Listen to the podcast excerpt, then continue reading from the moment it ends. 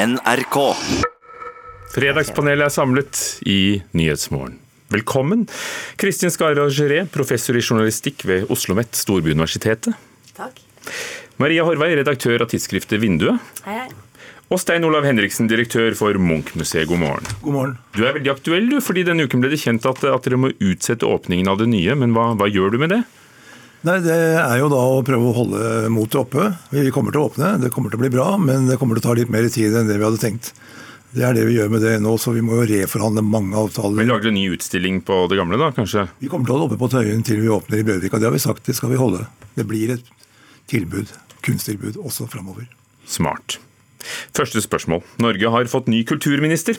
Abid Raja fra Venstre. Statsministeren sa til VG at um, han kunne ikke bli næringsminister fordi han ikke hadde erfaring nok, men at i Kulturdepartementet eh, der var det mange spennende og viktige områder som Abid kommer til å elske å jobbe med. Han var her i Nyhetsmorgen tidligere i uken og, og nærmet seg noe à la en programerklæring. Så det å åpne det, det, det, kulturtilbudet som er der ute for nye befolkningsgrupper, brede lag av befolkninga, der tror jeg kommer til å ha en viss troverdighet. Og det andre det er at eh, jeg tror også det er noe å gå på når det gjelder å gjøre kulturtilbydere litt mer mangfoldige. Men spørsmålet vårt er er kulturministerposten blitt en lærlingeplass? Kristin Skarår Augeré? Nei. Maria Harvei? Nei. Stein Olav Henriksen? Ja. Har du merket det tidligere òg, syns du? Ja, absolutt. Hvordan da? Nei, jeg tror jeg tenker at De politiske miljøene de ser på kulturfeltet som et lettere politikkområde. Eh, og Det brukes nok også i komiteer osv. som en læreplass for politikere som har tenkt eh, at de skal lenger og inn i tyngre departement, som det heter. Men jeg tror det er en veldig grov undervurdering av kunsten og kulturens betydning for samfunnsutviklingen og for livskvaliteten. Eh, sånn, sånn sett så er det jo veldig trist at man ikke er mer opptatt av å plassere kunst og kulturen i samfunnssentrumet og gi det politisk tyngde. Fordi at jeg tenker enhver kulturminister som ikke klarer å få mer enn 50% av befolkningen til å bruke kunst- og kulturtilbudene, har mislykkes. Nå er det 60% av Norges befolkning som ikke bruker museene. Vi kommer tilbake til det, men, men Erna Solberg sa det jo selv, at, at der var det mye han kunne holde på med inntil han ble erfaren nok. Ja, altså det er jo, I perioder så er det jo blitt altså ved visse poster så er det blitt brukt som en læringplass. Jeg vet ikke at det er, at, at det er da det er. Eh, jeg tror ikke Erland Solberg satte inn Toril Vidvei eller Linde Hofstad Helleland for å lære de opp. Eh, og jeg tror egentlig at, eh, at, kulturfeltet skal bli Jeg tror vi skal slappe litt av på dette her snakket om tyngre og lette, lette departement, og om kulturlivet blir tatt seriøst nok. Det er forskjell på tyngde i departementene, og finansministerposten er tyngre enn næringsminister ministerposten igjen. Og de er ikke topputdannede økonomer, eh, alle de som blir eh, finansministre? Nei, eh, og jeg tenker det viktigste kulturlivet må, må håpe på, eller det, det viktigste er å få en kulturminister som er villig til å kjempe for kulturen innad i regjeringen. I så fall så er det jo en lærlingplass for kunnskap- og integreringsministeren, for det er jo den reisen eh, Tine Skei Grande har foretatt nå.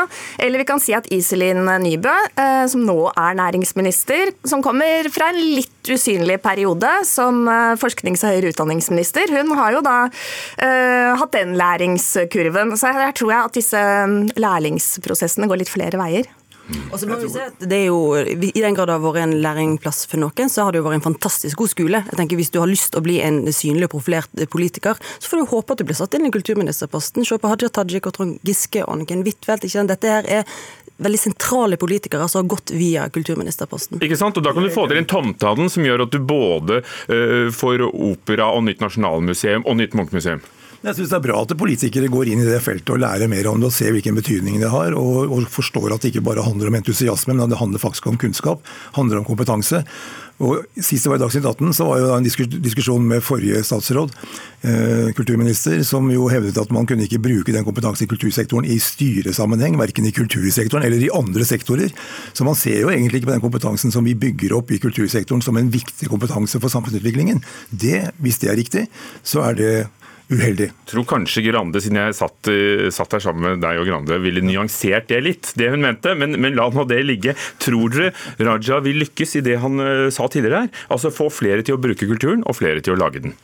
Ja, han berører når han snakker om kulturens kraft, og jeg tror han har potensial til å nå nye målgrupper. Han sa i et intervju med Morgenbladet for noen år siden, beskrev han eh, hvor utrolig viktig, og jeg tror han sa det såpass sterkt som at den viktigste personen i hans oppvekst, eller en periode av hans ungdom, var bibliotekaren på Sandaker-biblioteket lokalt uh, i Oslo. Og det å ha blikk for den type kulturinstitusjoner som bibliotek, f.eks., tenker jeg også er noe viktig som han kan løfte, og kanskje også inn til grupper som tidligere ikke har vært så opptatt av kultur og kunsttilbudet vårt?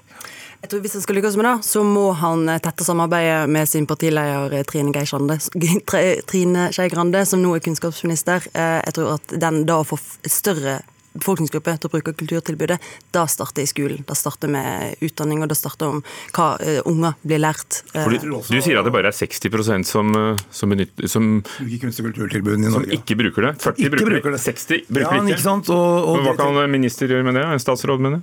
Altså jeg mener det at Hvis ikke du lykkes med å gjøre noe med det, som jo er utrolig viktig fordi kultursektoren... det skjønner jeg, Men hva kan de gjøre? Hva de kan gjøre? Ja, hva skal han gjøre? Ja, Det handler om systematikk, det handler om strategi, det handler om tilskuddsbrev, det handler om mange ting. Men det handler først og fremst om å gjøre noe med det. Sette det på dagsordenen og sørge for at vi får et samfunn hvor kunst og kultur er viktig for alle, ikke bare for en mindretall.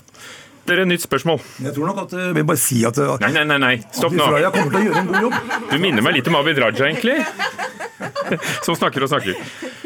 Britiske The Guardian, storavisen, vil ikke lenger ha annonser fra olje- og gasselskaper. Det vil ramme det ganske hardt. og Det gjelder jo også da The Observer, som er søndagsutgaven deres. 40% av inntektene kommer jo nettopp fra annonser. I Norge vil Miljøpartiet De Grønne og Bellona at norske mediehus skal følge etter og si nei takk til reklame fra Equinor og, og andre. Er tiden inne for en annonseboikott av oljebransjen også i Norge? Maria Horvei? Ja. Kristin Skarro Geré? Ja. Og Sten Olav Henriksen? Nei, ja. Ja, Men altså, du jobber jo med journalistikk hver dag. Tror du kvalitetsjournalistikk vil klare seg uten også de annonsekronene? Det tror jeg. Jeg tror kvalitetsjournalistikk vil klare seg uten de annonsekronene. En gang i tiden så var det jo helt utenkelig at man skulle takke nei til inntektene, reklameinntektene for tobakk og alkohol f.eks., og i dag er det en helt selvfølgelig ting. Eh, og de 40 prosentene som du nevnte eh, for de Observer, det er jo alle reklameinntektene. Og jeg vet ikke akkurat hvor stor andel som kommer fra oljebransjen, men det, det er neppe mer enn en liten del av det. Og så kan man naturligvis problematisere det og si hva da med reklame for flyreiser, for kjøtt, for andre virksomheter og områder som også har et høyt eh, karbonavtrykk. Eh, men jeg syns ikke det er sånn helt urimelig å starte med oljebransjen. Og dette er jo en bransje som har hatt enorme midler eh, til å bruke på opinionsdannende reklamevirksomhet. ikke sant? Så dette handler jo om det som takker nei til disse kronene, handler på en måte om å, å, hva heter det, å, å, å javne ut feltet. Eh, og dette er jo eh, veldig, det gjør seg veldig gjeldende på reklamemarkedet da at Equinor har mulighet til å lage en podkast i samarbeid med Aftenposten der de driver med opinionsdanning på olje- og energifeltet.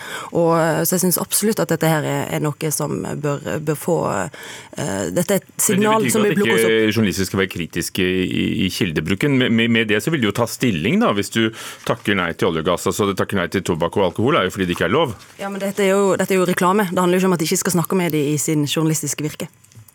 Nei, altså jeg tenker at det er symbolpolitikk. fordi at uh, Hvis det handler om legitimitet og kredibilitet i forhold til integritet, for å si det sånn, så vil det jo uh, måtte være mer prinsipiell å si nei til alt uh, som kan være problematisk, eller kanskje private penger i det hele tatt.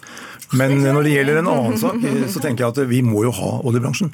For at Hvis vi nå skal liksom trekke opp stigen etter oss og si at uh, vi trenger energi i verden uh, for å få all verdens fattigdom ut av fattigdommen, og jeg tror altså vi trenger den kraften som oljeenergien representerer for å finne de nye løsningene. Det er de som har muligheten og kompetansen og ressursene til å finne gode, nye fornybare løsninger. Så vi trenger den industrien. At du liker oljebransjen er jo ikke et argument for ja. Og så er det jo det at du, du ikke kan gjøre alt, eh, er jo ikke et argument for ikke å gjøre noe. Vel så viktig som annonseboikott tenker jeg det er også å ha fokus på all den grønnvaskingen, såkalte grønnvaskingen som skjer rundt oss. altså Hvor man da eh, skaper oppmerksomhet rundt eh, Man bruker markedsføring og klistrer da hvor grønt og fint og miljøvennlig produkter er. Der tenker jeg vi trenger god gravejournalistikk for å gå den type reklame og PR-virksomhet etter i sømmene. Og så er jo Neste skritt det er jo all den oljefinansierte forskningen, som den òg bør bli tatt et oppgjør med. Men disse statsfinansene våre som kan gi pressestøtte og sånn, det kommer jo også fra oljebransjens eh, skatteinntekter, da? Ja, Det er jo det som er det pussige her. Altså, hvis man ikke vil ta imot uh, oljepenger i kunstsektoren f.eks., så kan man jo ikke ta imot offentlige penger heller. Man tar imot masse penger fra Kulturrådet, det er jo bare oljepenger det òg. Så dette blir jo veldig vanskelig sånn sett. Men jeg tenker at vi må Du hører ikke musikken, du. Men her er det musikk, skjønner du. Er det musikk? Ja, det er musikk bak oss. Og det som er med den, at den signaliserer et nytt tema. Den er skrevet av Åse Hedstrøm, det ligger litt i navnet. Hun er kvinne, og det er Bit 20 som fremfører den. Samtidsmusikkensemblet. Og de innfører nå det de kaller full kjønnsbalanse. Dvs. Si at dirigenter, solister og ikke minst halvparten av all musikken de spiller, skal være komponert av kvinner. Vi bør miste offentlig støtte om vi ikke klarer det, sier kunstnerisk leder Trond Madsen. Verken mer eller mindre. Men jeg håper det at politikerne tør å bare si at Ingen penger uten eh, god kjønnsbalanse, rett og slett. Ingen penger uten god kjønnsbalanse. Vil det gå utover den kunstneriske friheten hvis det blir full kjønnsbalanse i kunstlivet? Uh, det er ja eller nei? Nei. Nei. Så det er bare å Ja, hva skal dere gjøre på Munch-museet, da?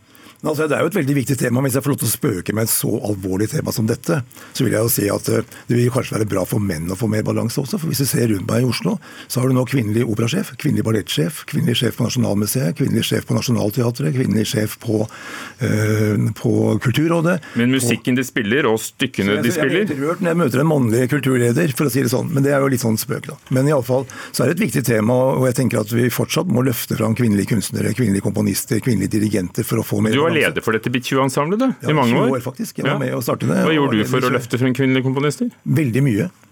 Absolutt. Altså Åse Hedstrøm var en viktig kunstner for oss. Vi hadde en, jeg vil si at vi hadde bortimot 50% kvinnelige øh, komponister i vår portefølje allerede den gangen.